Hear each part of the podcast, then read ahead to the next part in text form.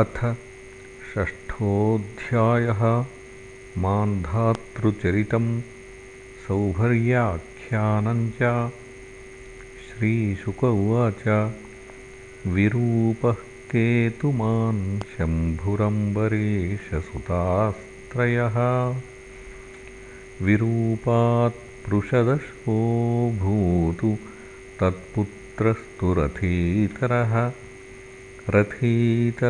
रथीतरस्याप्रजस्य भार्यायां तन्तवेत्थितः अङ्गिराजनयामास ब्रह्मवर्चस्विनः सुतान्। एते क्षेत्रप्रसूता वै पुनस्त्वाङ्गिरसाः स्मृताः रथीतराणां प्रवराः क्षत्रोपेताद्विजातयः क्षुवतस्तु मनोर्जज्ञे इक्ष्वाकुर्घ्राणतः सुतः तस्य पुत्रशतज्येष्ठा विकुक्षिनिमिदण्डकाः। तेषां पुरस्तादभवन्नार्यावर्ते नृपा पञ्चविंशतिः पश्चाच्चत्रयो मध्ये परेण्यतः स एकदाष्टकाश्राध्ये इक्ष्वाकुः सुतमादिशतु मां समानीयतां मेध्यं विकुक्षे गच्छमाचिरम् तथेति स वनं गत्वा मृगान् हत्वा क्रियार्हणान्। श्रान्तो बुभुक्षितो वीरः शशंचाददपस्मृतिः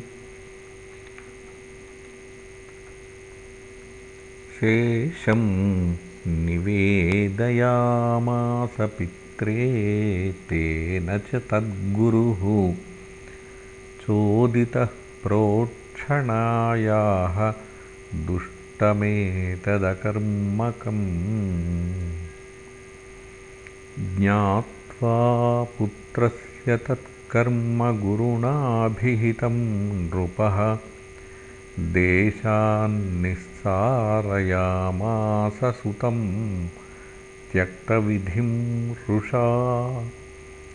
स तु विप्रेण संवादं जापकेन समाचरन् त्यक्त्वा कलेवरं योगी स तेनावापयत्परम् पितर्युपरतेभ्येत्यविकुक्षिः पृथिवीमिमां शासदीजे हरिं यज्ञैः शशादैति विश्रुतः।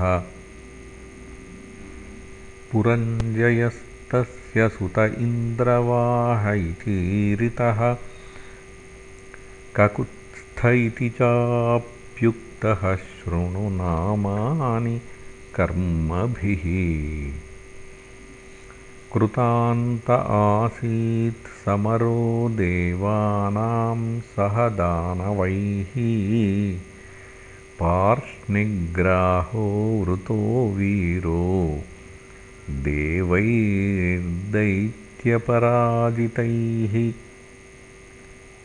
वचनाद्देवदेवस्य विष्णोर्विश्वात्मनः प्रभोः। वाहनत्वे वृतस्तस्य बभूवेन्द्रो महावृषः। स सन्नद्धो धनुर्दिव्यमादाय विशिखान् शितान् स्तूयमानः समारुह्य युयुत्सुः ककुदिस्थितः तेजसाप्यायितो विष्णोः पुरुषस्य महात्मनः दैत्यां दिशि दैत्यानां न्यरुणत्रिदशैः पुरम्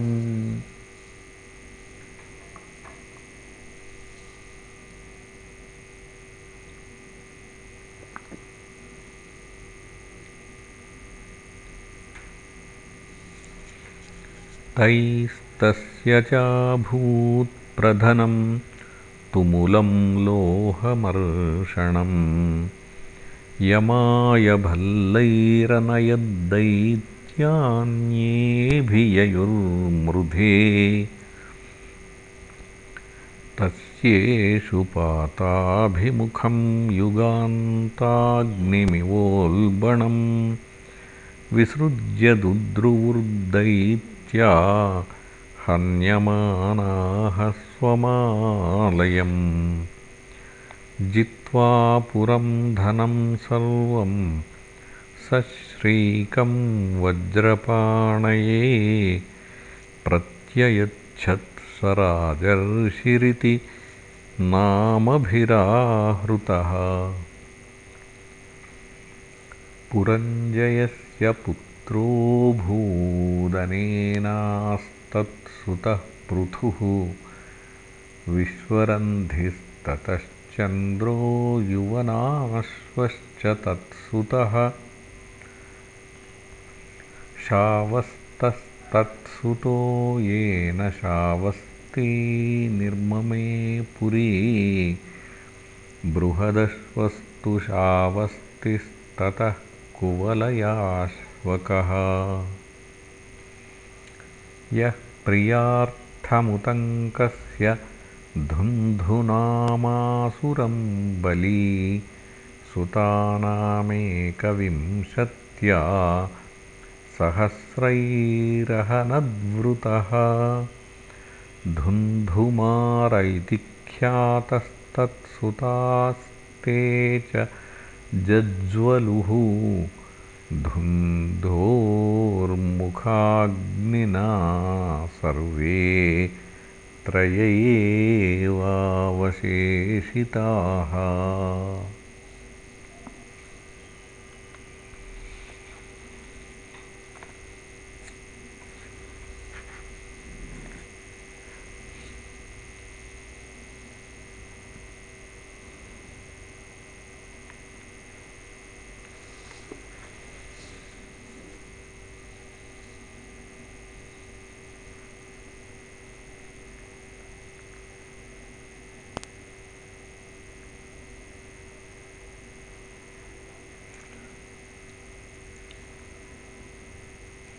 दृढाश्वः कपिलाश्वश्च भद्राश्व इति भारत। दृढाश्वपुत्रो हर्यश्वो निकुम्भस्तत्सुतस्मृतः। बर्हणाश्वो निकुम्भस्य कृशाश्वोऽथास्य सेनजित्। युवनाश्वो भवत्तस्य सोनपत्यो वनं गतः भार्याशतेन निर्विण्णऋषयोऽस्य कृपाळवः। इष्टिं स्म वर्तयाञ्चक्रुरैन्द्रीं ते सुसमाहिताः।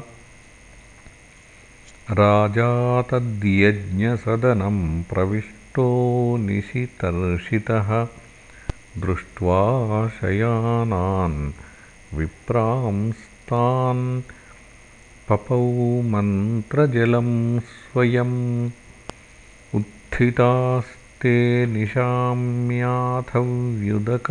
कलशं प्रभो पप्रच्छुः कस्य कर्मेदं पीतं पुंसवनं जलम्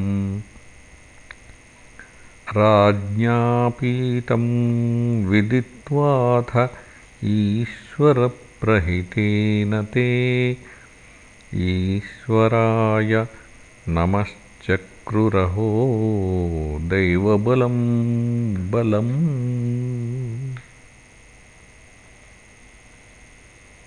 ततः काल उपावृत्ते कुक्षिं निर्भिद्य दक्षिणं युवनाश्वस्य तनयश्चक्रवर्ती जजानः। कं धास्यति कुमारोऽयं स्तन्येरोरूयते भृशं। मां धाता वत्समारोदीरितीन्द्रो देशिनीमदात् न ममारपिता तस्य विप्रदेवप्रसादतः युवनाश्वोऽथ तत्रैव तपसा सिद्धिमन्वगात्।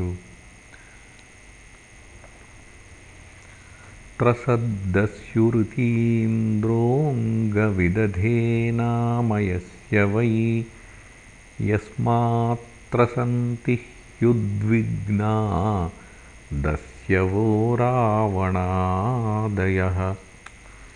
यौवनाश्वोऽथमान्धाता चक्रवर्त्यवनीं प्रभुः सप्तद्वीपवतीमेकः शशासाच्युततेजसा।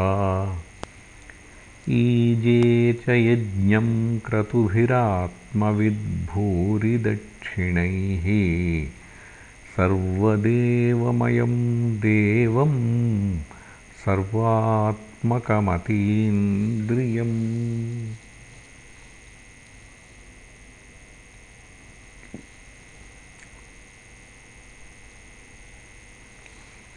द्रव्यं मन्त्रो विधिर्यज्ञो यजमानस्तथर्त्विजः धर्मो देशश्च कालश्च सर्वमेतद्यदात्मकम्।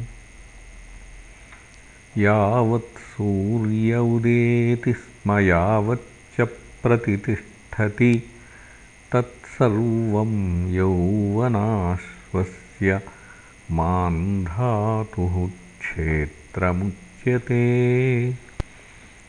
शशबिन्दोर्दुहितरि बिन्दुमत्यामधानृपः पुरुकुत्समम्बरीशं मुचुकुन्दं च योगिनं तेषां स्वसारः पञ्चाशत् सौभरिं वव्रिरे पतिम् यमुनान्तर्जले मग्नस्तप्यमानः परन्तपः निर्वृतिं मीनराजस्य वीक्ष्य मैथुनधर्मिणः जातस्पृहो नृपं विप्रः कन्यामेकामयाचत सोऽप्याह गृह्यतां ब्रह्मन् कामं कन्यास्वयंवरे स विचिन्त्याप्रियं स्त्रीणां जरठोऽयमसम्मतः वलीपलितयेजत्कैत् ह्यहं प्रत्युदाहृतः तथात्मानं सुरस्त्रीणामभीप्सितं। किं पुनर्मनुजेन्द्राणामिति व्यवसितः प्रभुः। मुनिः प्रवेशितः क्षत्रा कन्यान्तः पुरमृद्धिमत् वृतश्च राजकन्याभिरेकः पञ्चाशतावरः। तासां कलिरभूद्भूयांस्तदर्थेपोह्य सौहृदं ममानुरूपो नायं व इति तद्गतचेतसाम्। स बह्वृचस्ताभिरपारणीय तपः श्रियानर्घ्यपरिच्छदेषु। गृहेषु नानोपवनामलाम्भः। सरस्सु सौगन्धिककाननेषु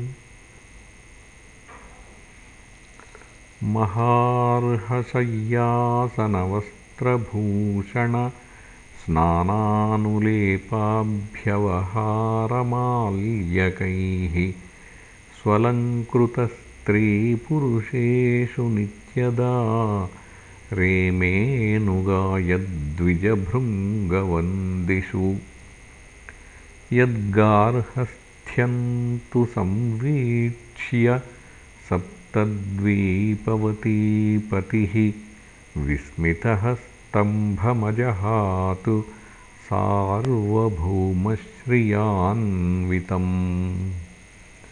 एवं गृहेष्वभिरतो विषयान् विविधैः सुखैः सेवमानो न चातुष्यदाज्यस्तोकैरिवानलः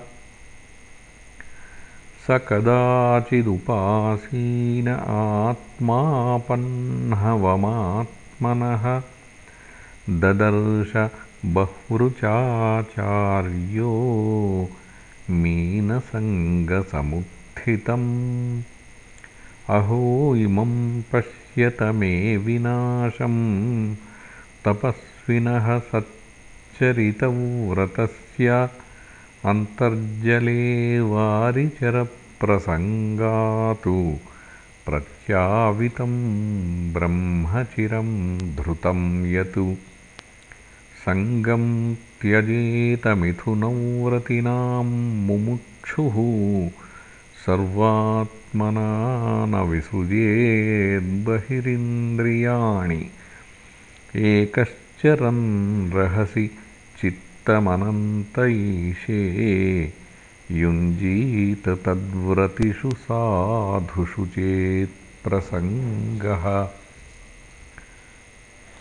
एकस्तपस्व्यहमथाम्भसि मत्स्यसङ्गातु पञ्चाशदासमुतपञ्चसहस्रसर्गः। नान्तं व्रजाम्युभयकृत्यमनोरथानां मायागुणैर्हृतमतिर्विषयेऽर्थभावः। एवं वसन् गृहे कालं विरक्तोऽन्यासमास्थितः वनं जगामानुययुस्तत्पत्न्यः पतिदेवताः। तत्र तप्त्वा तपस्तीक्ष्णमात्मकर्शनमात्मवित् सहैवाग्निभिरात्मानं युयोजपरमात्मनि। ताः स्वपत्युर्महाराज निरीक्ष्याध्यात्मिकीं गतिम् अन्वीयुस्तत्प्रभावेण अग्निं शान्तमिवार्चिषः। इति श्रीमद्भागवते महापुराणे पारमहंस्यां संहितायां नवमस्कन्धे षष्ठोऽध्यायः